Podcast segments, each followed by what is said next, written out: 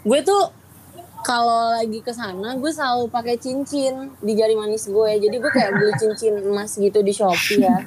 Harganya gue beli lima ribuan enam ribuan gitu. Jadi tiap gue ke sana kalau ada orang yang ngedeketin sama gue gue selalu bilang kalau gue udah nikah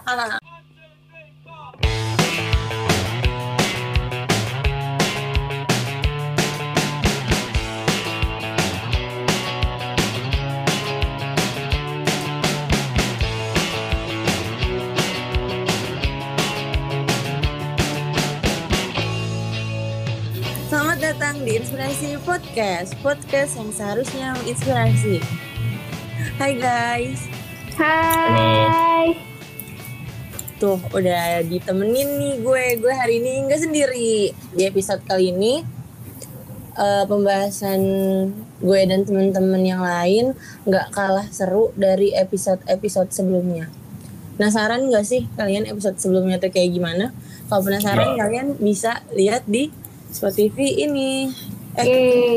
Iya bener, Iya, apaan sih? yang udah tayang ya Iya yang udah tayang. Jadi tuh kita udah ada mm, empat episode sama satu episode baru yaitu apa kamu? news in a week Eh, ini gue belum belum udah disebar tapi kayaknya belum kepromosiin ke orang-orang deh ya Nah, itulah tapi sebelum masuk ke pembahasan kita di episode ini, kayaknya nggak lengkap kalau gue nggak ngenalin kalian lagi. Eh nggak lagi sih sebenarnya. Kalau kamu mungkin kalian udah sering denger kali ya suara ini orang. Karena mostly dari semua episode di podcast ini adalah suaranya Salomo guys. Ini sebenarnya adalah podcastnya Salomo, nggak bohong bercanda. Karena Kagak. Salomo nih yang paling semangat, ya Allah gue bangga banget. Eh, lebih ke paling nganggur sih Tepuk Eh, karena dari tadi ada suara dari si cewek manis, ya cewek manis. jadi gue gue disclaimer dulu ya ini tuh sebenarnya gue udah terlalu sering bawa podcast ini jadi gue serahin ke Dina ya biar dia ada kerjaannya Iya soalnya gue nggak, gue tuh dibilang nggak punya kerjaan guys. Gue tuh dibilang "Ah, gue nggak pernah kerja. Bohong bercanda. Padahal s- ide, ide, ide-ide itu ada di lu, Din.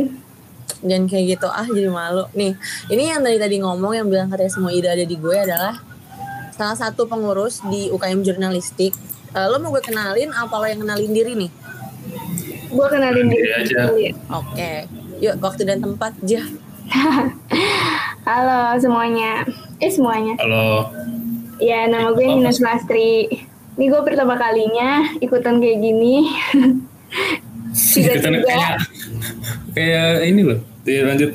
Iya tiba-tiba langsung mau bahas apa yang penting jalanin dulu aja. Keren. berarti ini belum belum ada briefing ya? Udah baru dikasih materinya doang sih. Cuma baru tadi? Iya. Baru hari ini. Karena manusia tuh punya rencana tapi Tuhan yang nentuin. Nah, kayak di luar rencana gue dan pasti bisa berubah. iya jalannya Tuhan seperti ini jah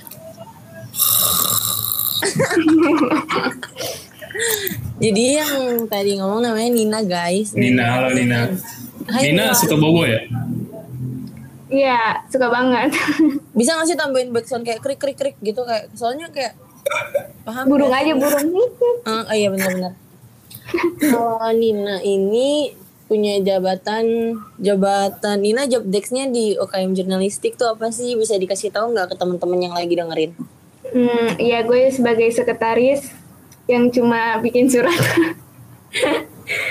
ya Eh, sekretaris. sekretaris sekretaris nggak cuma loh Suka merendah untuk merokok. tahu ya suka merendah loh Justru dari semua banyak job desk di UKM jurnalistik yang paling penting adalah job desk lu.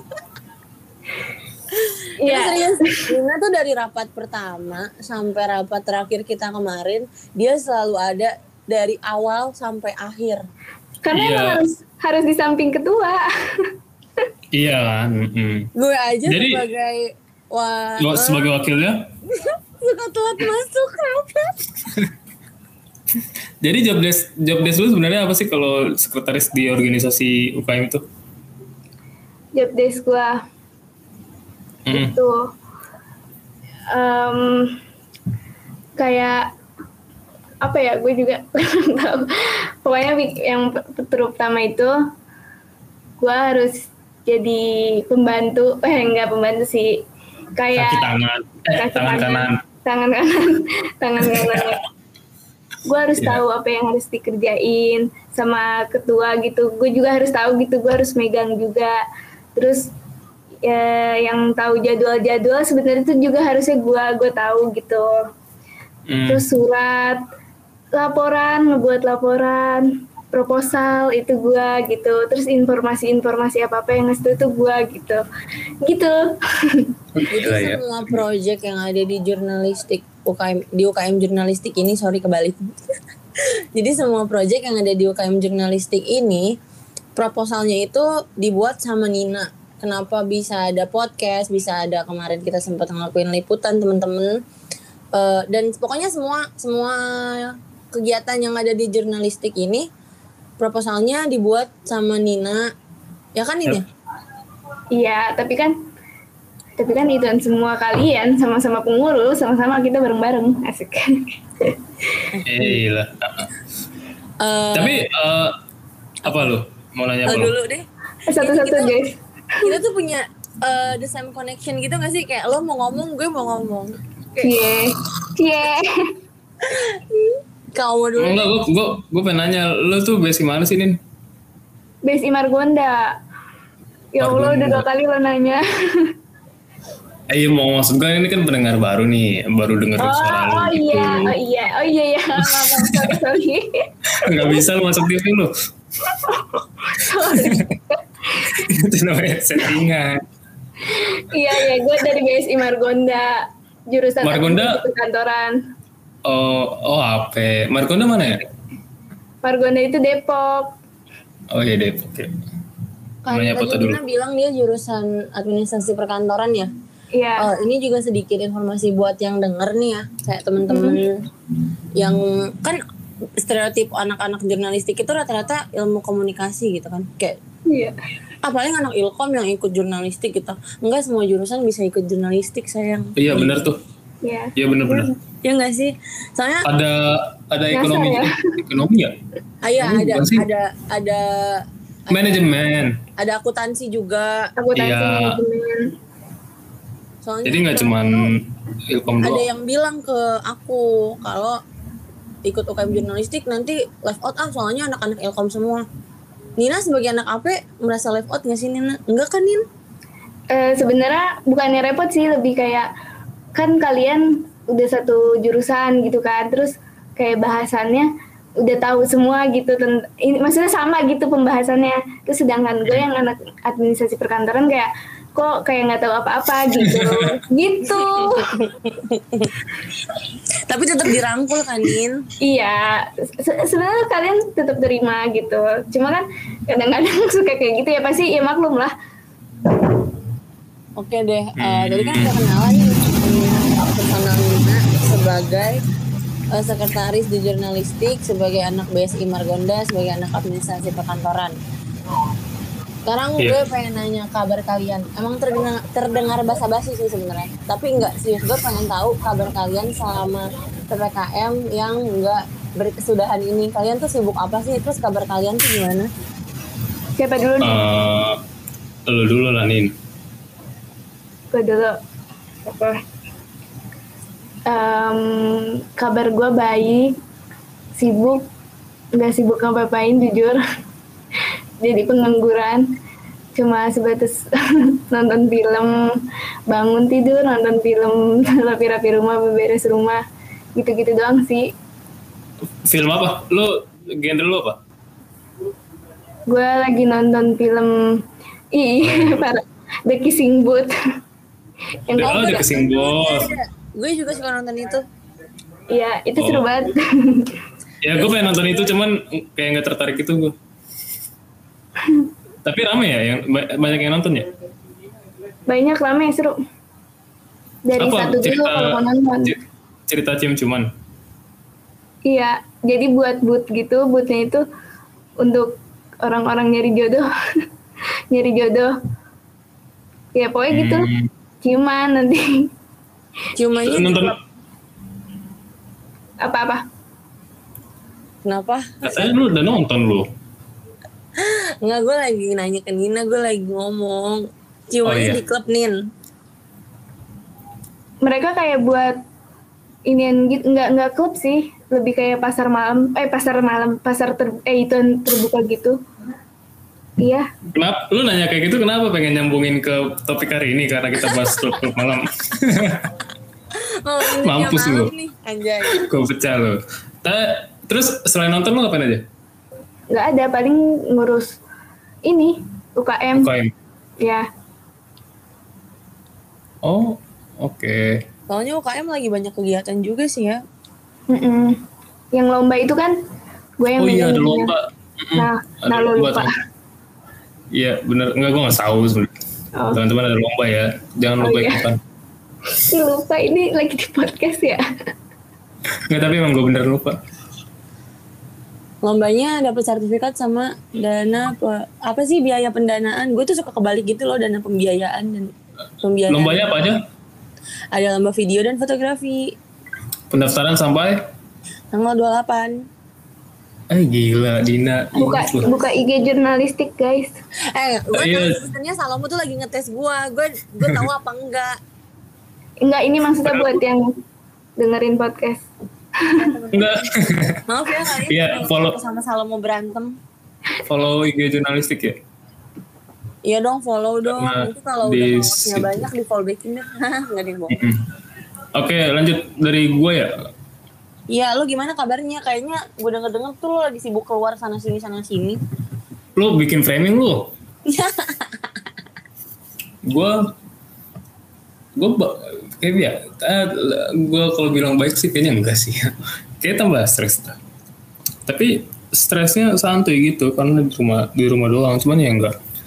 Gue kemarin baru pertama kali uh, keluar ke Jakarta tanggal berapa ya kemarin ya? Gue hunting foto ke Blok M.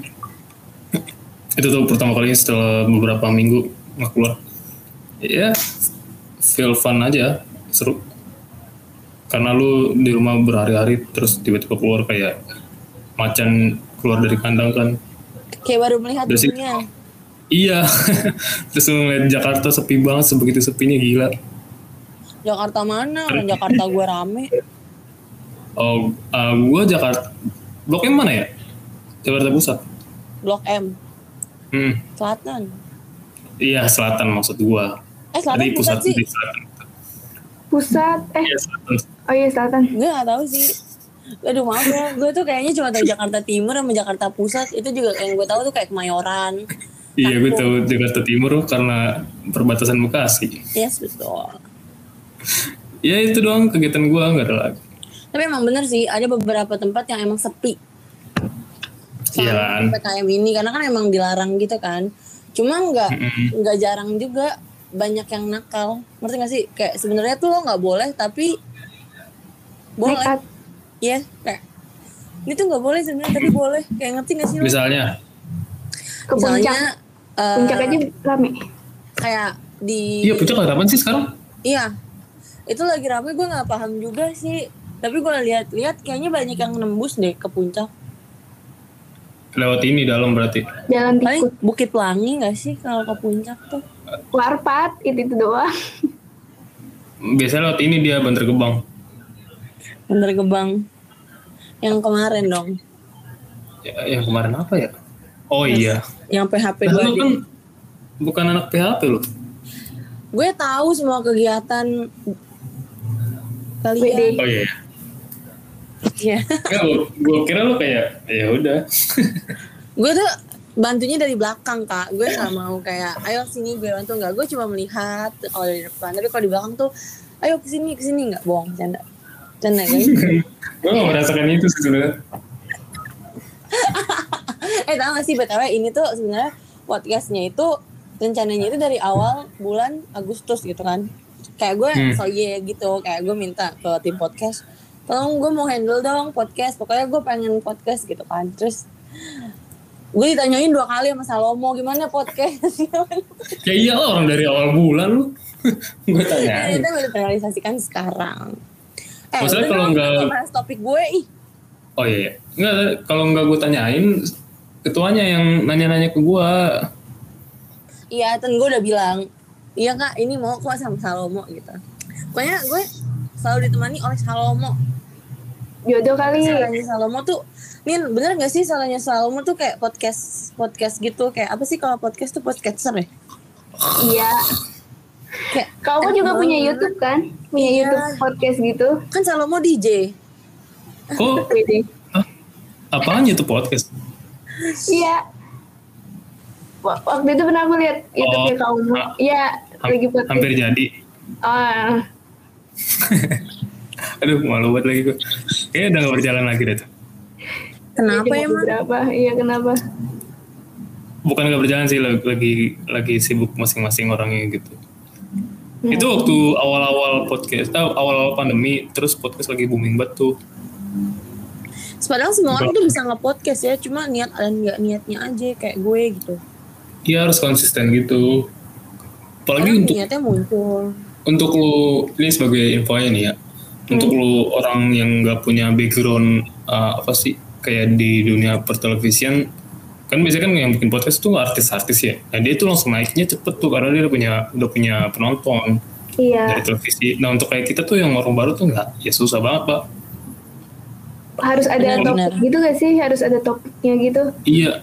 Dan gua aneh banget Rintik Seduh tuh bisa jadi peringkat satu di Spotify tuh gila. Gokil sih. Padahal gua gak kenal dia siapa sebelumnya.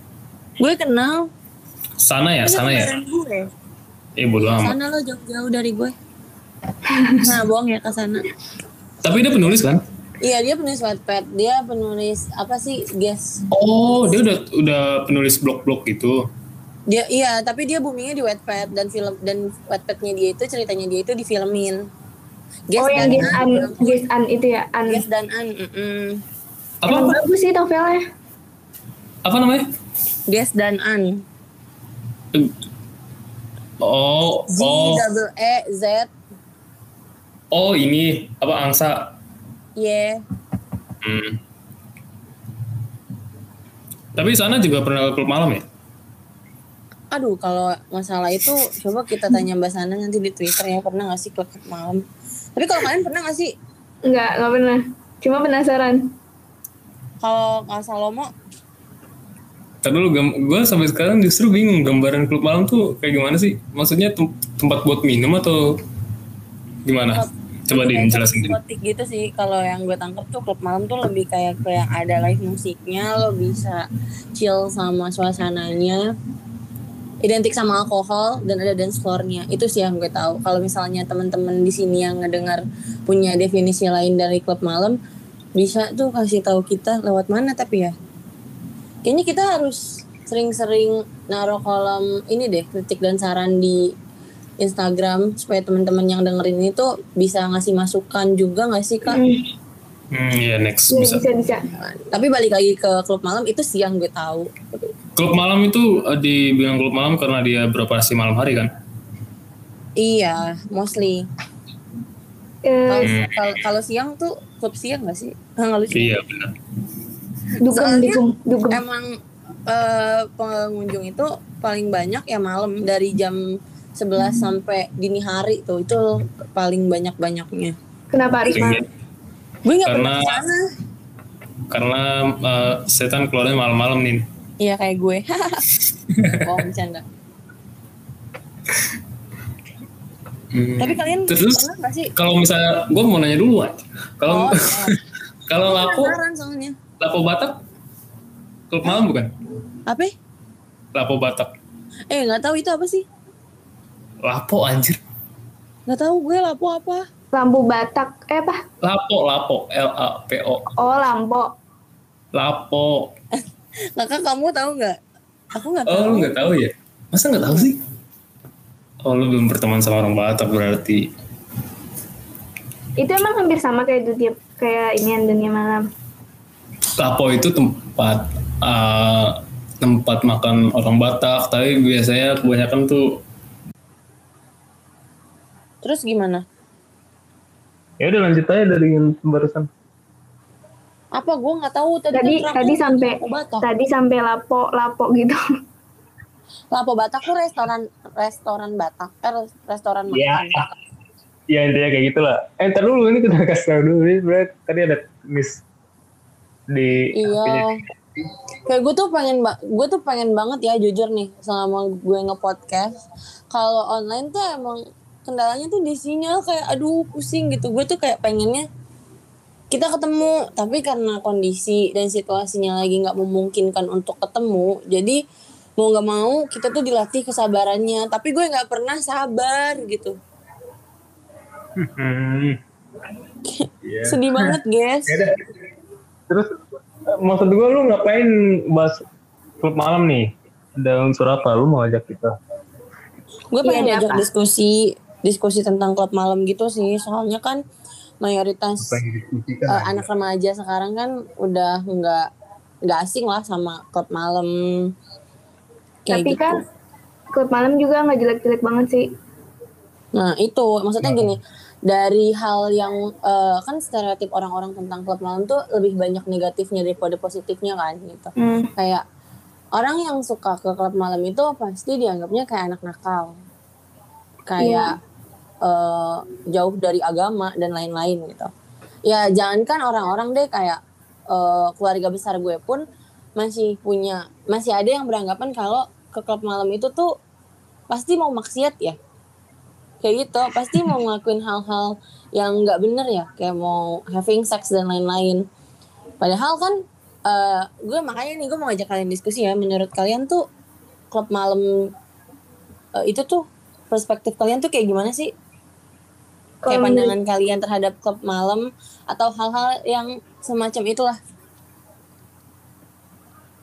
Kalau menurut gua kan di klub malam juga kan ada yang kerja. Buktinya kayak DJ gitu kan dia kerja kan di situ. Mm-mm. Terus kayak pelayan-pelayan di situ itunya apa sih itu namanya? bartendernya Ya gitu-gitunya. Jadi itu bukan tempat buat itu doang, jadi tempat buat orang nyari rezeki juga gitu kan. Mm-mm. Tapi emang ada ada tempat khusus maksiatnya gimana sih? Gue gak pernah masuk soalnya. Kalau selama ini ya mungkin karena jujur gue pernah ke sana beberapa kali. Cuma karena niat gue karena niat gue tuh bukan untuk melakukan hal yang kayak gitu ya. Kayak gue nggak ada ke arah sana. Gue tuh lebih nikmatin live musiknya, suasana chillnya, sama ya kalau misalnya lagi ruwet banget nih ya healing gue tuh nyari distraksinya ke dance floor biasanya kayak nikmatin live musiknya itu loh tujuan utama gue. Kayak sebenarnya masih banyak tempat alternatif lain sih. Cuma itu kan menurut perspektif orang masing-masing ya. Kalau ternyata distraksi yang gue eh bisa buat bantu gue iya healing gitu ya main-main ke sana. Emang nggak nggak sering tapi beberapa kali gue ke sana dan gue nggak tahu ada tempat khusus untuk maksiatnya atau enggak ya. Tapi di sana itu oh iya. Lanjut. Tapi di sana itu emang harus harus pakaiannya terbuka gitu. Enggak kok, gue kalau ke sana pakainya kaos. Biasa aja kan, boleh kan gitu. Iya. Sebenarnya tuh pakai Dia pakai terbuka atau tertutup itu kan kenapa? Lanjut lanjut. Iya. Maksudnya kalau tadi Nina ngomongin pakaian ya guys, menurut gue ya perspektif gue sorry eh, kalian bisa koreksi gue sih. Tertutup atau terbukanya pakaian itu kan nggak menunjukkan eh apa ya kayak sifat dan karakteristik orang gitu. Kayak Iya. belum tentu orang yang pakaiannya minim itu adalah orang yang emang nakal dan jelek banget gitu etikanya. Belum juga yang emang bener-bener tertutup itu Tertutup orang baik. yang baik-baik aja dan etikanya tuh baik. Kayak itu tuh tergantung gimana kita bisa berekspresi aja kalau dari gue ya. Tapi kalau yang lain gue nggak tahu. Iya. Hmm. Ya kalau ngomong kebaikan kan nggak nggak ada yang bisa menilai ya, yang bisa menilai Yes. kan cuma yang atas doang. Tapi Hmm. eh, di klub malam tuh maksud gua kayak dari gambaran klub malam yang gue tonton di film-film Hollywood tuh dia ada ada striptisnya eh, apa kalau penari tiang itu strip Iya strip striptis. Itu apa? Jadi kayak penari narinya tuh di ada ada Oh, alat oh, gitu ah. kayak dance pole gitu loh. Heeh. Nah, Kayak pole dance. Iya, di atas meja terus ntar bisa wear gitu. Joget-joget, iya. Kalau di sini sih, kalau di tempat yang gue datangin tuh gue nggak nggak pernah lihat kayak gitu. Yang maksudnya kayak mungkin kalau gue tuh bukan kayak klub malam yang ada di film-film gitu lebih kayak ke yang ada live musik emang musiknya sekencang itu lo bisa Iya. chill lo bisa santai lo bebas mau minum alkohol atau yang non alkohol emang ada kayak gitu kalau gue Tapi tapi nggak sampai kayak rame-rame, gitu-gitu kan? Nggak kayak kayak gitu. nonton konser nih lo pernah nonton konser gak sih kayak Iya. gitu euforia yang Gimana, gimana? didapetin iya euforia yang didapetin kenapa Suaranya tadi kayak gimana nih? Iya, joget-joget gitu. berarti berarti kalau bisa dibilang klub malam tuh eh, nggak nggak nggak sama satu dengan yang lainnya ya kayak beda-beda gitu kayak Iya, kayaknya sih setiap tempat punya ciri khas dan karakteristiknya masing-masing deh. tapi untuk minuman alkohol pasti ada di situ Ada, pasti disediain. minuman apa yang pernah lo nyoba Gue, sih gue teh manis. kalau misalnya ah mas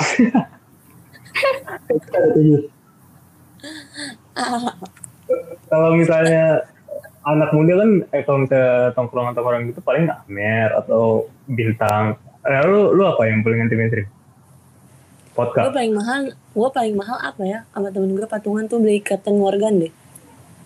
Gua itu berapa tuh harganya? Aduh gue nggak tahu, gue lupa. Gue udah lama banget nggak ke sana. masa sih Serius, lagi pandemi kayak gini, anjir. Gak ada yang buka. oh klub malam ada sistem pandemi juga ya gue kira dia nggak nggak Iya peduli dong. Soalnya nggak tahu ya, tapi yang gue tahu kayak Holy Wings gitu ya. Kan masih tutup. oh iya lu pernah ke Holy Wings Ya gue ke sana sama ke table, itu sama ke table table. itu yang lu uh, jadi salah satu tempat paling sering Iya. Karena mostly ya temen-temen gue kalau ngajak ke sana buat chilling kayak buat healing, buat main-main nih pasti ke sana sih. oke Kayak gue diajak kan gue kalau misalnya sendirian juga gue nggak berani ya karena gue takut ngambil resiko. Gue tuh tipe orang yang mikir resiko juga sih. Kayak Iya. gue ke sana tapi gue masih kayak bisa kontrol diri sendiri gitu loh. Kayak yang nggak mau terlalu eh, kalau tips tips sih kayak mabok-mabok dikit gitu itu nggak apa-apa tapi kalau yang sampai kayak gue yang gimana-gimana gitu enggak. Iya gue gue soalnya kalau misalnya gue udah ngerasa enough kayak gue udah ngerasa cukup nih. Oh udah nih, gue udah enteng gitu. Oh, Udah Oh, gue nggak maksa. oh, oh, Gue nggak oh, maksa untuk minum oh. terus-terusan. Itu rasanya gitu. Maksudnya enteng, maksudnya enteng. Maksudnya kayak langsung menghalu gitu. Bukan ngehalu sih, lebih kayak ke apa ya? Gue nggak bisa deskripsiin rasanya, cuma tuh kayak enteng gitu. Ngerti gak sih? Itu lu minum berapa botol? Eh, gue nggak nggak bisa minum sebotol sih sebenarnya. Gue tuh kayak satu botol rame-rame gitu.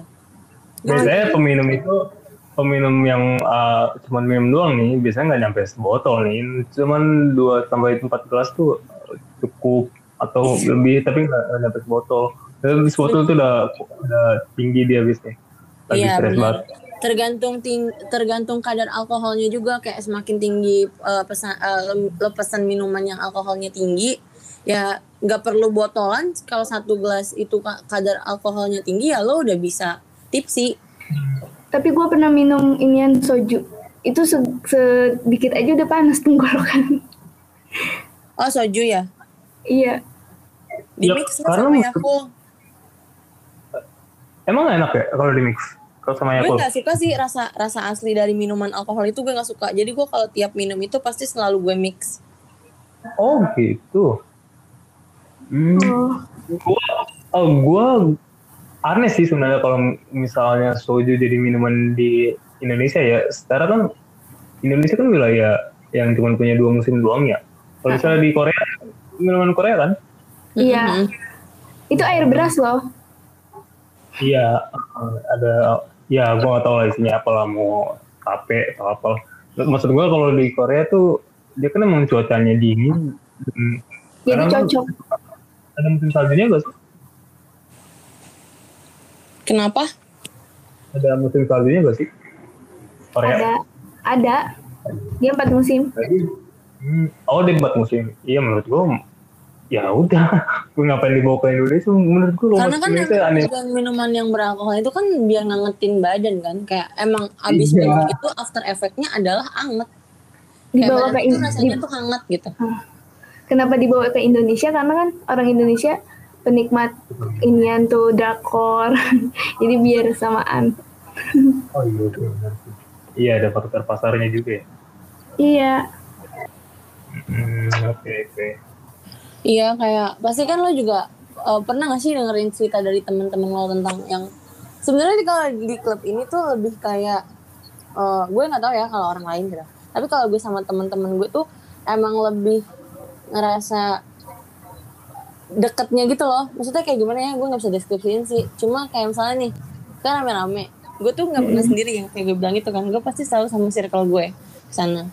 Terus kita di sana tuh juga nggak yang kayak mencar gitu loh. Kan ada orang-orang yang mencar tuh ke dance floor sendiri-sendiri. Gue sama temen gue kalau udah open table ya udah kita di table aja. tapi eh, dari yang gue denger dengar Hmm? ada gak yang kalau saya apa ya bahasanya ya Eh, buaya buaya buaya di sana ada gak sih kayak Banyak. minta ampun padahal lu stranger stranger banget Om om om om.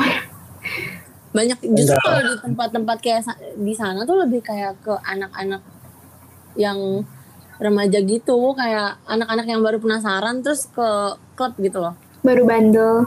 Iya, baru tahu nih, oh esensinya tuh kayak gini ya, rasanya tuh kayak gini. Gue malah jarang nemuin yang yang umur-umur kayak bapak-bapak gitu ya, beda sama yang karaoke. Hmm. hmm, iya. tapi lu Mungkin pernah karena eh, Apa? kenapa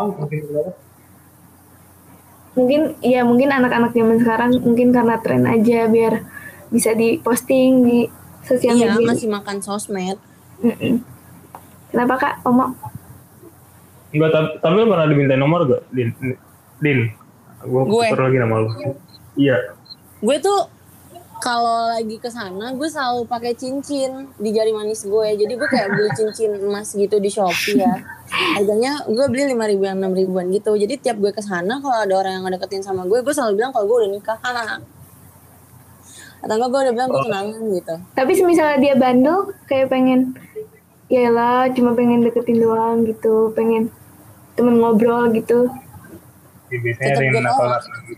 Tetap gue tolak gue kayak gue kan kalau ke sana tuh nggak cuma sama cewek doang kan gue juga sama temen-temen cowok gue gitu itu pasti ada satu yang gue tarik untuk lo bilang ya kalau lo tuh pasangan gue karena eh, banyak juga kejadian-kejadian kayak lo dibawa kabur gitu loh ya namanya lo lagi sama-sama nggak sadar gitu kan Iya. Hmm. kayak takutnya ada hal yang ya sebenarnya gimana ya kalau ngomongin klub malam tuh emang gue takut salah ngomong sih sebenarnya tapi lebih kayak kalau di klub malam sebenarnya nggak semuanya jahat tapi yang nggak semuanya baik gitu loh kayak lo emang harus bener-bener kalau emang niatnya ke sana buat chill buat healing ya udah just it gitu Balik lagi ke diri aja gitu ya. Iya, balik lagi ke diri. Mm-mm. Karena ya apa sih yang lo harapin dari anak-anak yang pergi ke klub malam? Ya nggak sih? Selain cari hiburan, ya mungkin hiburannya mereka dengan cara ngegodain kayak flirting satu sama lain gitu cewek cowok yang cowok gatel ke cewek yang cewek gatel ke cowok gitu kan. Cuma itu kan tergantung dari diri lo masing-masing nih. Karena menurut gue setiap manusia itu punya self alarm dari masing-masing gitu. Lo pernah denger gak sih kalau manusia itu kayak punya alarmnya sendiri-sendiri di tiap tubuh? Iya, pernah dengar. Jadi misalnya nih eh, ada momen di mana lu pengen ngelakuin sesuatu gitu. Kayak misalnya nih, gue pengen mabok, gue pengen kenalan sama orang gitu ya. Gue pergi nih ke klub malam. Momen itu tuh kebentuk gitu. Gue beneran pergi ke klub malam, gue beneran mabok gitu. Tapi ketika ada orang yang ngedeketin gue, diri gue tuh kayak ada alarmnya gitu loh. Lo yakin gak nih mau kenalan sama nih orang? Hmm, Kayak jadi ada reminder gitu. Nah itu eh, sebenarnya lo bisa tahu kenapa ada self alarm karena yang bakal nentuin selanjutnya ke mana itu ya itu lo sendiri. Oh, kalau gue nyebutnya lebih ke hati nurani sih. Oh iya, Oke. sorry ya. Alarm Tokped ya? Gimana? Iya, yang tiga ribuan. gitu guys. Tapi lu berarti gue pernah ya, gue pernah nggak nggak pernah punya temen yang eh, anak malam kayak gitu sih. Sekarang gembel semua teman gue tapi lu ini pernah gak mabuk berat? Atau cuman seriusan tipsi doang sampai sekarang? Gimana? Gue kalau kalau di klub malamnya gue nggak pernah mabok berat. Gue sampai tipsi doang. Kawan-kawan lu? Oh iya. Kalau mereka mah iya. Sampai Oh. tau gak sih lu orang yang nggak bisa jalan tapi didorong pakai kursi roda? Hmm. iya mereka kan gitu. gitu karena kalau gue tuh masih mikir resiko ya kayak lo boleh kesan lo boleh ke mana pun asal lo tahu resiko yang apa yang bakal lo dapetin ketika lo ke sana gitu. Tanggung jawab gue ya? iya dan gue tuh selalu mikirin resiko itu tiap gue ke mana pun gitu. Kayak gue udah tahu nih kalau gue pergi ke tempat yang tinggi resiko gue bakal jatuh Mm-mm. gitu kan. Kalau gue pergi ke laut resiko gue bakal tenggelam. Jadi tuh kayak setiap eh, gue ke mana pun gue selalu memperkirakan resiko apa yang bakal gue dapetin. Sama kayak gue ke klub malam nih. Misalnya gue pergi ke Holy Wings kalau misalnya gue beneran mabuk berat gue nggak tahu apa yang bakal terjadi sama gue setelahnya karena emang beneran gak sadar gitu. Belum tentu paginya itu lo bisa sadar sama apa yang lo lakuin gitu. Jadi daripada kejadian hal itu gue eh, malah lebih kayak yang ya udah gitu. Jangan sampai itu terjadi Tapi Din, kalau misalnya udah minum kebanyakan gitu, biasanya kalau gue lihat di film-film tuh paginya muntah gitu-gitu. iya Bener itu kalau kebanyakan guys. Lo lo pernah gak sih kalian nemuin temen yang eh misalnya abis abis kayak gitu ya kayak kamu kan temen-temennya mungkin ada yang pernah eh mabok gitu gitu kan. Terus besok paginya tuh kayak muntah-muntah. Iya. Gak sih? Banyak. Jadi tuh um, biasanya dia kalau nggak efek biasanya dia efeknya langsung sih kalau misalnya minum berat nih ya minum minum, minum ke kantin sih. Jadi dia langsung satu itu juga dia langsung muntah langsung jackpot lah bahasanya kan bahasa orang-orang. Uh, yang minum langsung jackpot gitu langsung muntah. Terus tapi uh, besoknya gue nggak tahu nih efeknya apaan besokan harinya. Gue nggak tahu apa besoknya juga masih muntah. Gitu. Cuman bedanya eh kalau gua sih lebih uh, saranin minum secukupnya aja. Kayak Iya. lagunya ini minum secukupnya Karena kan aja. yang tahu kemampuan itu kan diri lo sendiri ya. Maksudnya kayak kemampuan lo bisa minum sampai berapa banyak itu kan diri lo sendiri bukan orang lain ya. Kayak temen gue nih. Jadi kayak gue punya temen nih, eh, Nin. Dia tuh emang sukanya nuang minuman gitu. Nuangin, nuangin, ngasih, nuangin, ngasih gitu. Cuma kalau emang eh, orangnya belum bilang enggak, ya nggak bakal berhenti nuangin, nuangin, nuangin, nuangin gitu. Tahu-tahu tuh orang udah teler aja. Terus dianya nggak minum. ya enggak dia demennya emang nuangin doang gitu sambil ngobrol-ngobrol cekikikan nuangin nuangin gitu jadi jadi kalau emang lo udah ngerasa enough gitu kayak aduh ini udah udah parah nih gue ngerasanya ya udah berhenti aja ya enggak sih Iyalah. Iya. Dan Nah. enaknya tuh biasanya kalau minum secukupnya tuh uh, besoknya langsung kayak uh, plong enak banget lah badan lo juga. tidurnya tuh pulas ya enggak sih eh Iya, banget. pulas. maksudnya lo pernah gak sih ngerasain pulas abis tidur kayak lo lagi capek lo nggak bisa tidur nih seharian terus habis minum masih pulas Iya, pulas banget enak banget. lo kalau habis minum kayak gitu bangun jam berapa kamu biasanya gue tetap bangun waktu itu gue zaman zamannya semester satu sih gue di zaman zamannya di rumah teman gue tuh minum tuh yang kering tapi tetap bangun pagi soalnya kan gue besok harus besok kan masuk kuliah gitu tapi enak banget tuh sebenarnya Biasanya kayak gitu ketagihan nggak sih Din? Nah ini yang mau gue Jadi tahu pecandu juga. gitu, alkoholik. Sebenarnya kalau emang lo bisa nggak nyoba, gue saranin jangan nyoba gitu. Karena biasanya kan itu ada kan rasa penasaran kan. Terus lo nyobain, ternyata after effect-nya enak nih. Itu yang bisa bikin lo kecanduan. Karena distraksi yang lo temuin adalah di alkohol itu kan. Jadi kalau lo lagi ruwet gitu, minum lagi ruwet minum yang jadi masalahnya ketika lo ruwet setiap hari nggak mungkin kan lo minum terus setiap hari Nah, Iya. iya. jadi selama lo punya distraksi lain selain ke minum-minuman yang beralkohol ya jangan sampai lo nyobain minuman yang beralkohol. Kayak ngerokok sebenarnya sama. Kalau lo masih bisa Iya, iya. punya distraksi lain eh, selain dari ngerokok itu kayak misalnya lo lagi ruwet lo punya distraksi buat baca buku gitu biar lo nggak stres. Ya udah lakuin aja. Jangan sampai lu ngerokok karena alasannya lu nyari distraksi Stres. stres gitu. Karena iya. karena ketika lo stres lo pasti bakal terus-terusan nyari apa yang bisa ngehilangin rasa stres lo. Ya nggak sih? Nah iya bener-bener. Ah, lu tertarik nih? Gua Iya. pengen, maksudnya pengen tahu suasana klub itu gimana. Tapi bayar kan ya masuknya ya? open table Oh, Oh, biasanya sih kalau di Holy Wings kalau belum belum belum ini ya kalau belum naik ya Heeh. satu tabelnya tuh tiga ra- minimal 300 deh iya 300. Tonton gue juga sering cerita. Ya kan? 300 gue sih dulu patungan Itu udah meja doang atau udah sama minum? udah sama minum. Oh, oh udah minumnya bebas minum. enggak lah itu kan ada harganya. Jadi kayak minimalnya tuh 300 ribu baru lo bisa duduk di table. Oh, gitu. Eh, tapi gue saranin. Kenapa? Ih, iya jadi penasaran. Penasaran Ya, banget. gue saranin kalau kayak lu uh, nggak punya apa ya, nggak punya filter yang kuat nih buat nyaring biar lu nggak kayak gue punya gak gue punya buat buat terus punya buat terus kalau lu nggak punya filter itu ya mending kata gue nggak usah deh tapi kalau misalnya emang lu bisa tanggung jawab nah besok gue, gue cuma nyoba doang nih bis- tapi nggak nggak alkoholik banget Iya. ya udah penasaran lo gue udah nyoba. bisa nggak kak ngefilternya? Iya, bisa nggak?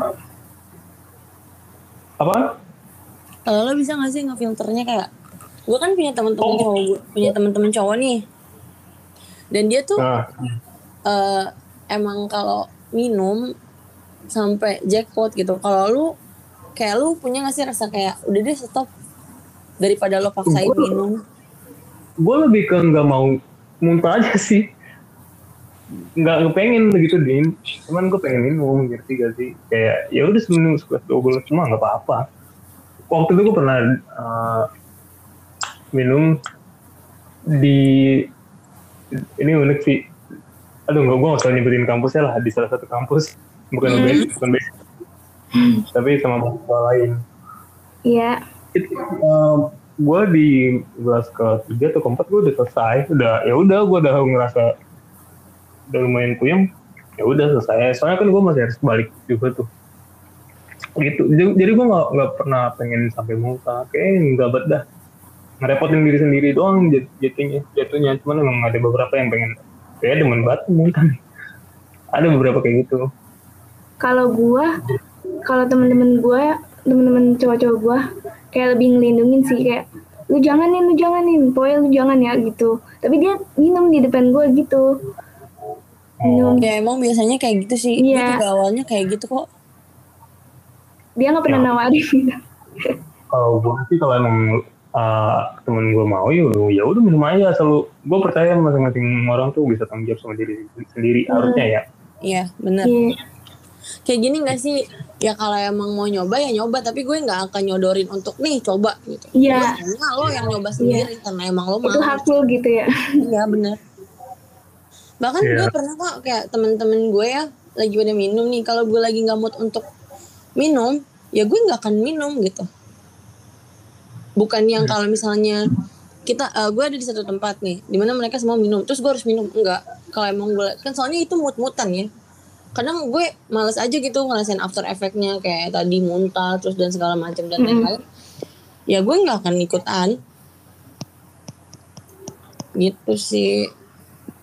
Kayak lu cuma pengen ikut kumpul-kumpul doang gitu ya. Mm-mm, kayak pengen ngobrol-ngobrolnya aja karena kan beda ya yang ini yang dicarinya kayak misalnya eh emang ada yang nyari alkohol biar dia lepas stres gitu kalau gue lebih kayak ke ngobrolnya sih karena obat stres gue bisa hilang kalau gue ngobrol sama orang gitu. Iya, apalagi lu orangnya banyak bicara.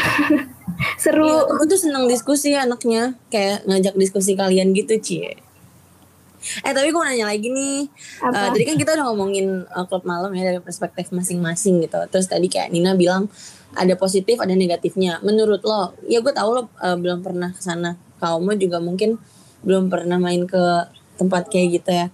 Tapi pernah apa? Pernah. Nggak pernah pernah. Ya kan nggak pernah. Tapi menurut kamu sama Nina ada nggak sih sisi lo mau sisi yang positif dulu apa negatifnya dulu nih yang gue tanyain Dua-duanya aja langsung. Dua-duanya Oh, iya. ya udah deh langsungnya ya udah negatif dan negatifnya top malam menurut lo tuh apa sih Dari siapa nih? dulu nih. boleh Kalau menurut gue sisi negatifnya itu kayak lebih buang-buang duit. Mm-mm. Iya kan? realistis ya benar Iya. Terus juga nggak baik buat tubuh. Kan jadi tubuh jadi rusak juga kan gara-gara minuman kayak gitu. Sama efeknya ya bakal ngelakuin hal tindakan kriminal. Iya, karena kalau misalnya, ya bener sih kayak kriminal itu gue setuju soalnya ada beberapa case di mana orang itu nggak punya Iya. uang, tapi karena ketergantungan sama tempat itu, in- ya lo tau lah Iya. kalau beda orang yang kalau minum di pinggir jalan yang ruko-ruko sama orang yang minumnya di klub malam gitu. Mm-mm. Kalau di ruko kan tinggal tinggal beli minum terus pada gelar gitu Iya. kan, kayak yang temen gue ceritain. Kalau di sana tuh emang harus punya uang, ya yang tadi gue bilang satu table aja eh, minimal ordernya tuh harus 300 ribu gitu dan kalau lo nggak punya teman ya mau nggak mau lo harus megang segitu dan kalau nggak punya uang ya pasti lo ngelakuin hal hal tidak terpuji Iya jadi nekat ibaratnya dia. Mm-mm. Lagi kalau yang di ruko-ruko itu kayaknya minumannya juga murah juga kan. Kayak Iya. dicampur obat gitu, dicampur obat dia. weh. Lo tahu sih? kok Nina tahu sih ya Hah? Ya teman-teman gue rata-rata gitu kak. Eh kak, kak eh, iya apa gitu. Pakai penter ya? Penter sama bodrek. Iya. Biar apa pil apa sih tuh yang lo tau gak sih Tre- TM ya tramadol ya Hmm. tramadol. aduh Terus positifnya, nah apa ya menurut gue kalau positifnya ya yang itu jadi klub malam itu ya buat orang nyari rezeki, nyari sumber penghasilan, sama buat dapet temen. Ya bisa juga sih buat dapet temen ya, ya dapet temen. Sama ya buat ini doang, lepas penat gitu-gitu doang. Itu aja sih kalau gue. kalau dari kamu Kalau dari gua, eh, kalau dari gua sebagai mahasiswa, apa ya? Negatifnya, negatifnya tentu eh, sebenarnya lebih ke pandangan orang tua ya. Orang tua dan pandangan agamis, agamis. masyarakat juga nggak sih? Jadi dicap jelek. Iya karena stereotip itu sendiri kan yang tadi kita bahas di awal. Iya. Itu jelek tuh karena eh, yang pertama mungkin lebih ke alkohol pasti dong. Dilarang kan di agama. Agama. Di tiap-tiap agama. Agama gua ah, lumayan bebas sih. Kalau agama gue enggak. Nggak boleh tidak boleh. gue gak tau dilarang atau tapi kayaknya lumayan bebas sih. Ya, terus eh negatifnya ya tadi ngabisin duit juga bener tuh. Ngabisin duit terus ngabisin waktu juga. Kalau misalnya lo ke sana cuma buat minum doang tapi nggak dapet relasi. Yes. Iya nggak bermanfaat. Terus eh, terus penyalahguna penyalahgunaannya tuh nah, misalnya kan dari situ kan aku sering dengar cerita tentang eh, orang yang udah kobam berat. Terus eh, dia kan loh cowok yang sadar masih sadar dalam posisi sadar tapi ngelihat cewek yang udah kayak eh, kobam berat ya? Yang udah ada ngajak kenalan dulu sebelumnya terus dibawa ke mana gitu tapi dia si ceweknya mau-mau tanpa sadar gitu. Kan penyalahgunaan juga kan? Iya dan Nah. dia kan bisa kayak uh, pelecehan. Seksual harassment benar iya. Itu tuh salah satunya. Makanya itu yang dilihat jadi stereotip stereotip orang tua tuh ya kayak gitu lah bagi istilah kayak gitu. Dunia malam yang bebas. Terus kalau misalnya positifnya uh, positifnya mungkin kalau emang lu misalnya beberapa orang kan punya uh, self healingnya masing-masing ya kalau pelarian dari mereka tuh kayak beda-beda. Ya lu kalau lu menurut lu ke klub malam adalah tempat yang membuat lu bisa berpikiran jadi fresh? Ya udah. Fine fine aja menurut gue terus positif yang lain ya sumber sumber penghasilan yang tadi juga gue bilang eh, yang Nina bilang juga bisa tuh. Itu aja sih menurut gue sama relasi. Iya benar-benar. relasi sih tapi emangnya sih kalau masalah positif dan negatifnya udah disebutin sama kalian ya. Tapi bener relasi tuh kalau gue bilang di sana ya gimana ya? Karena emang lingkungannya kayak gitu. Gue gue beberapa kali ketemu sama orang-orang yang hebat sih. Maksudnya kayak orang-orang yang wah keren ya ternyata. Yang nggak expect gitu gue bisa nemuin orang sekeren itu di tempat yang kayak gitu ngerti gak sih? Iya dia terus kenapa tuh? Ke situ? ya biasa kayak mungkin distraksinya dia di situ kali ya. Jadi kayak pas lagi ngobrol Oh iya. gue tahu dia kerjanya apa gue tahu dia pendidikannya gimana kayak gue masih kadang tuh suka di luar dugaan gue gitu kayak wah orang kayak gini tuh ternyata ada di sini gitu. Loh Hmm, Terus kalau misalnya yang tadi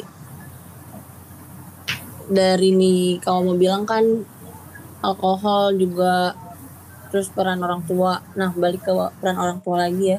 Sebenarnya ini peran orang tua juga penting sih. Karena penting banget. gue tahu Iya. klub kayak gitu karena gue ngeraba-raba sendiri gitu loh.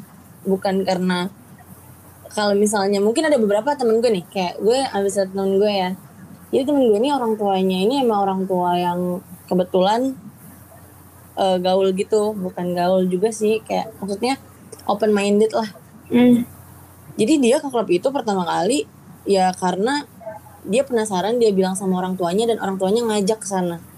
Dan gak sih orang tuanya bilang apa? Orang tuanya dia bilang gini mamanya. "E, kalau kamu penasaran sama dunia kayak gini, kasih tahu saya gitu. Saya akan ngasih tahu kamu kalau dunia ini tuh kayak gini nih, kayak gini. Saya bakal ngasih lihat kamu sendiri gitu. Tapi harus sama saya.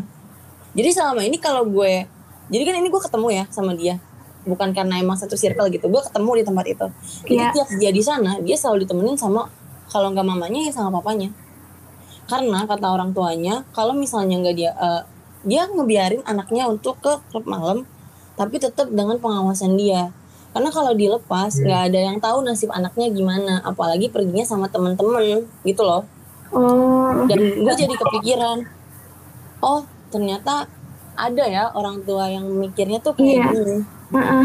kayak Karena ibaratnya dia ngedukung juga sih iya. sedikit. karena nyokap gue kan kol- ma- eh, kolot ya pikirannya kayak misalnya pikiran orang tua zaman dulu gitu loh jangan ke sana di sana tuh maksudnya semua ngapain sih ke sana takut dia apa-apain gitu kan tapi ternyata ada orang tua yang masih mau nemenin anaknya untuk cari tahu hal yang bikin anak itu penasaran gitu kayak dia cerita dari dia mulai ngerokok pun eh, pertama kali ngerokok pun ditemenin sama orang tuanya kayak orang tuanya tuh ikut gitu loh ya udah ditemenin asal jangan jangan jangan di luar rumah gitu-gitu loh kayak masih ya udah lo boleh ngelakuin ini tapi tetap di dalam pengawasan, Pengawasan. gue karena gue nggak akan ngebiarin lo terjerumus ke arah yang nggak baik tapi kalau lo penasaran ya nggak apa-apa itu sih Hmm. jadi itu salah satu upaya juga supaya nggak banyak orang-orang yang kan kalau gue masih ngeraba ya awal-awal tuh ke sana kayak itu tuh gimana sih gitu. kayak kok ada ya tempat kayak gini gitu oh ini tuh rasanya kayak gini gitu loh jadi gue kayak ngeraba-raba tanpa dikasih Iya. tahu gitu dan itu sih peran orang tua menurut gue penting Iya orang tua juga ngekang juga nggak bagus. Maksudnya kayak ngekang sampai nggak boleh nggak boleh gitu-gitu. Malah nanti anaknya yang sendiri nyari tahu malah lebih-lebih. iya jadi kayak daripada lu di belakang di di belakang di depan orang tua mm, iya iya enggak enggak gitu. Ternyata pas di belakangnya kayak gitu. Jadi mungkin orang tuanya mikir ya udahlah gue temenin aja nih anak. Iya sama gue aja gitu. iya lo boleh nakal tapi sama gue aja. Kayak gue bakal jadi orang tua yang kayak gitu deh nanti. Ah, enggak deh bohong. Gue juga mau kayak gitu. Iya soalnya kayak kalau misalnya eh sorry guys. Apaan tuh? Gelas biasa deh tangan gue suka nggak jelas jadi lupa kan Eko mau ngomong apa kalau misalnya oh iya kalau misalnya apa ya Duh gue jadi ke distract gue nanya lagi deh Boleh nggak? Enggak. Kalian masih mau jawab nggak? Eh, yang yang tadi tuh peran orang tua kan kalau misalnya lu berharap ke peran orang tua berarti orang tuanya kan harus ada pengalamannya dulu nih sedangkan Iya benar. Oh, mungkin nggak pengalaman tuh nggak harus datang langsung ke klub malam ya tapi lu bisa kayak open minded pikiran lu terbuka untuk hal-hal kayak gitu tuh lu belajar entah lu cari di sosmed tuh atau cerita-cerita dapat dari teman nah kalau misalnya orang tuanya yang belum belum dapat info apa-apa tapi udah tutup kupingnya dan matanya untuk melihat hal-hal kayak gitu ya susah Bener. Iya, iya bener juga. tuh Jadi Iya. kayak gitu guys. Lanjut, lanjut. Ada diskusinya gue kayak gue banyakin dapat insight baru sih dari kalian gitu. Mungkin kan kayak gue tadi pas tahu kalau kalian ternyata belum pernah ke sana, gue jadi kayak yang oh belum pernah ya. Kayak ngerti gak sih? Gue jadi kayak eh, berusaha kalian harus tahu nih kalau emang ada klub malam tapi kalau emang masih bisa nyari tempat lain jangan ke sana ya. emang kenapa? Karena ya tadi yang kayak siapa tadi yang bilang ya? Yang masalah kontrol gitu. Kalau lu nggak bisa ngekontrol Oh, sesuatu yang tidak iya kayak kata kamu kalau lu nggak bisa kontrol sesuatu atau nggak bisa kontrol diri lo kalau lo udah ke sana udah susah. Lo harus bisa kendaliin diri lo dulu baru lo bisa ke sana jangan yang lo mau dengan semangat yang menggebu-gebu gitu gue Tiba-tiba langsung sono gitu ya. Iya, terus lo ke sana lo nggak punya bekal apa-apa, lo dicekokin orang, lo iya, lo iya, lo iya gitu kan. Dicekokin minuman, minum, minum, minum, minum, minum. Kan kita nggak tahu ya, namanya kita nggak sadar. Kalau orangnya baik gitu, kalau kita bangun tidur masih ada tuh orang. Coba kalau misalnya lo bangun, lo kehilangan apa yang lo punya, kayak, ka- ya pokoknya lo bayangin yang jelek-jelek ke situ gitu. Kalau lo nggak punya mending jangan ke sana. jangan kemakan gengsi sih sebenarnya. Nggak usah Yes. ikut kalau misalnya lu cuman buat apa ya pamer ke teman lu kalau lu udah pernah ke malam lo nggak akan terlihat keren. Maksudnya kayak lo nggak akan ngubah nilai yang ada. Lo nggak akan ngubah value yang ada di dalam diri lo dengan lo pergi ke klub malam. Iya betul. Ya nggak sih? Nah, dia kalau udah merasa cukup dewasa ya silakan gitu kita nggak ada melarang ya iya kita Paling nggak enggak ajak teman yang berpengalaman gitu ya. nah iya bener banget maksudnya gini eh, ajak temen yang emang bisa ngejagain lo Mm-mm. Iya. jangan ngajak temen yang kalau lo udah ngikut ke sana terus lo ditinggal gitu Kesel banget sih sumpah Jahat banget itu temannya. Iya jahat banget kayak bener ajak temen yang punya pengalaman yang seenggaknya kalau lo kenapa-napa ada dia yang bisa bantu lo. Soalnya di tempat-tempat kayak gitu banyak banget kasus kayak pelecehan seksual yang tadi Kak Salomo bilang. Bahkan gak cuma terjadi sama orang-orang biasa, orang-orang yang udah punya nama kayak contoh Gofar Hilman tuh. Kalian kenal gak sih? Enggak. Dia tuh kena kasus pelecehan seksual di klub malam. bukan dia yang kena kasus anjir dia yang dia yang maksudnya dia dia Dia yang gituin orang bukan? Iya, iya dia jadi pelaku. Ada ada ada korban victimnya tuh yang eh, akhirnya berani speak up dan ternyata emang bener kayak gitu. Maksud gue kayak ya kalau lo berani pergi ke sana, lo harus udah tahu deh resikonya apa. Udah gue cuma mau ngomong itu aja. Yaudah ajak gue Din ke sana Din. Nanti ya, Nina mau kapan? Teman-teman kalau mau ikut boleh bohong bercanda. Ayo dong. Rame-rame. Eh jangan kayak gitu nanti aku diomelin ibu ketua. Ajak. Oh iya tadi kan aku bilang ya kalau kalau si nih kan tadi niatnya mau sama Clara sama Kak Samunal. Kalau mereka nggak bisa aku mau ngajak ibu ketua. Terus aku bilang kakak tapi ibu ketuanya mau nggak ya diajakin ngomongin kayak gini. lah emang sam sam Tadi ke mana aku ngajakin Kasam tapi kata dia tiba-tiba banget gitu. Oh Soalnya kan emang niatnya kan sama Clara kan gitu guys. Oh Iya. untuk teman-teman pengurus lain atau anggota UKM yang lagi dengerin atau teman-teman yang emang lagi dengerin dan pengen jadi pembicara di podcast sebenarnya bisa bisa kan kak? bisa banget Kita tuh welcome. Nanti bagi nama podcastnya apa tadi? Ayo inspirasi apa? Inspirasi jurnalistik ya? Inspirasi podcast nih. Oh inspirasi podcast. Tapi lebih alangkah baiknya kalau lu kirim-kirim cerita lu dulu. Misal lu punya cerita, bang gue mau cerita nih, mau uh, gue punya pengalaman begini-begini. Kirim cerita lu ke email uh, inspirasi podcast. Namanya apa ya? Bentar ya gue cek dulu ya. Boleh ya langsung cerita-cerita gitu. Eh tapi thank you banget ya kalian udah mau ngulangin waktu kalian buat diskusi santai kayak gini. Soalnya emang gue penasaran banget sih sama perspektif orang-orang tentang klub malam, tentang dunia malam, tentang Jakarta Underground. Cia. Oh nama emailnya inspirasi.ubsi at gmail.com Nah bisa tuh cerita di situ. Kalau emang kalian gak berani untuk cerita langsung pakai suara kalian, nanti bakal dibacain sama host yang emang lagi ngisi di podcast. Tapi uh, lebih baiknya sih kayaknya kalau yang cerita nanti kita undang ke podcast deh. Iya. Gimana? Soalnya eh, kita emang beneran welcome gak sih sama gue? Misalnya kayak kalau emang mau ya nggak apa-apa gitu. Iya, karena tujuan podcast ini dibuat tuh ke uh, pengajaran public speaking untuk anak-anak ju- jurnalistik sebenarnya. Iya. Jadi lebih biar- kayak kita nyiapin wadah gak sih ya kayak? Iya. Keren ih keren. Jadi tuh teman-teman yang emang eh, mau ngasah skill public speakingnya, mau berani kayak gitu, ini tuh wadah kita sediain nih untuk anak-anak jurnalistik, gak cuma untuk anak-anak jurnalistik doang sih, ke orang-orang yang emang mau aja. Mm-mm. Mau curhat-curhat cerita-cerita ya. Mm-mm. Ya boleh. Seru banget gak sih? Dan terus gitu deh. Udah, Apa lagi, gua Din? udah selesai, gue udah pena- udah selesai penasarannya. Supaya nggak terjerumus gimana Din? ya jangan ke sana udah. Tapi bener maksudnya gini yang kayak tadi gue bilang ya di awal kalau misalnya kalian eh, masih nemuin distraksi lain kenapa gue bilang kayak gini? Karena beberapa orang tuh ngerasa kalau malam itu adalah distraksi terakhir dan distraksi yang paling ampuh gitu. Kalau misalnya kalian masih punya cara lain untuk oh iya kalau misalnya nggak ada yang terdistraksi tuh kayak pengalihan supaya kalian tidak terjerumus gitu.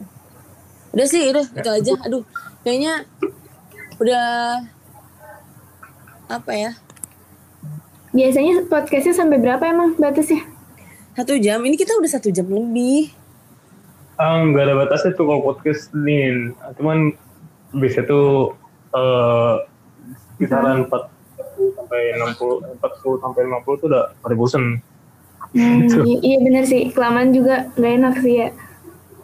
Gue juga mau melakukan sesuatu lagi setelah ini. Jadi kayaknya gue tutup sampai sini aja nggak apa-apa kan ya? Oke, Oh. boleh. Gue juga udah ngantuk. Iya guys, kita tuh recordnya malam-malam. Emang kita emang totalitas banget. Iya nggak apa-apa, seru kok, seru. Ih, gue suka. Kapan-kapan lagi ya Nina main-main. Nanti Oke. temenin sama Kak Salomo sama host lainnya. Kita punya dua host lagi yang sekarang lagi nggak bisa ikut. Ada Kak Safaah sama Clara.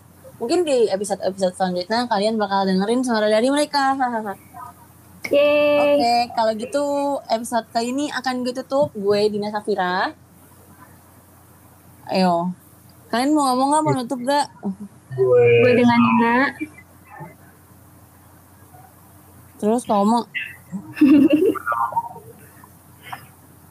kamu udah gak ada suaranya ya? Halo, gua Kak. kalau mau Oke. Ada, ada, ada. Kita pamit ya guys, Inspirasi Podcast. Makasih ya kalian. Makasih semuanya. Iya, dadah. Aku mau tagline terakhir ya. Inspirasi Podcast. Podcast yang harusnya menginspirasi. Dadah. Yeay, dadah. Bye-bye.